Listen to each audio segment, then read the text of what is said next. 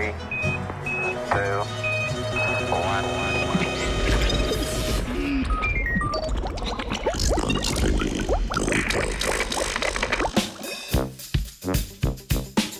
Že na vse zgodaj zjutraj o prilagodljivih možganskih povezavah.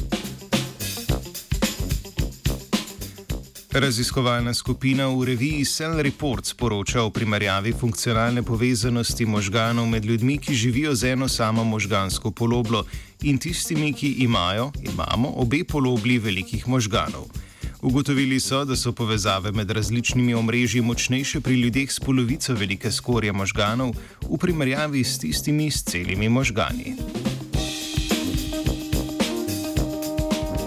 Kako pa to, da imajo nekateri ljudje le eno možgansko poloblo? V nekaterih primerih epilepsije pri otrocih se zdravnice in zdravniki lahko odločijo za odstranitev možganske poloble. Možgani pa so tako plastični, da se na to lahko prilagodijo.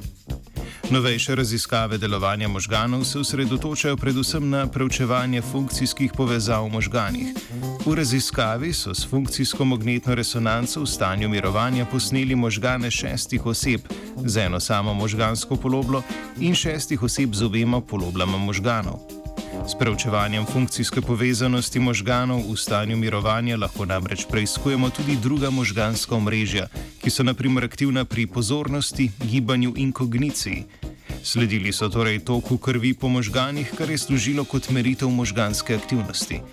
Pri tem je bila aktivnost lahko hkrati posneta na več mestih, kar je kazalo na sočasno delovanje regij in na deljenje informacij med njimi.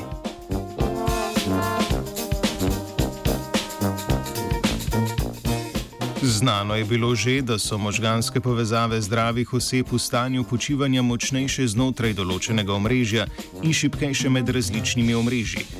V raziskavi pa so dognali, da so pri osebah, ki imajo eno samo možgansko poloblo, močnejše tudi povezave med različnimi omrežji. Tako raziskovalke in raziskovalci predvidevajo, da lahko ravno te povezave služijo kot prilagoditev in podpora celotnemu kognitivnemu delovanju in zavestni izkušnji pri osebah z eno samo možgansko poloblo.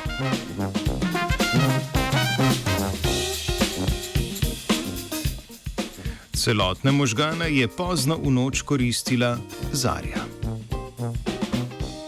Možgane ti opere detergent, se kliče radio študent.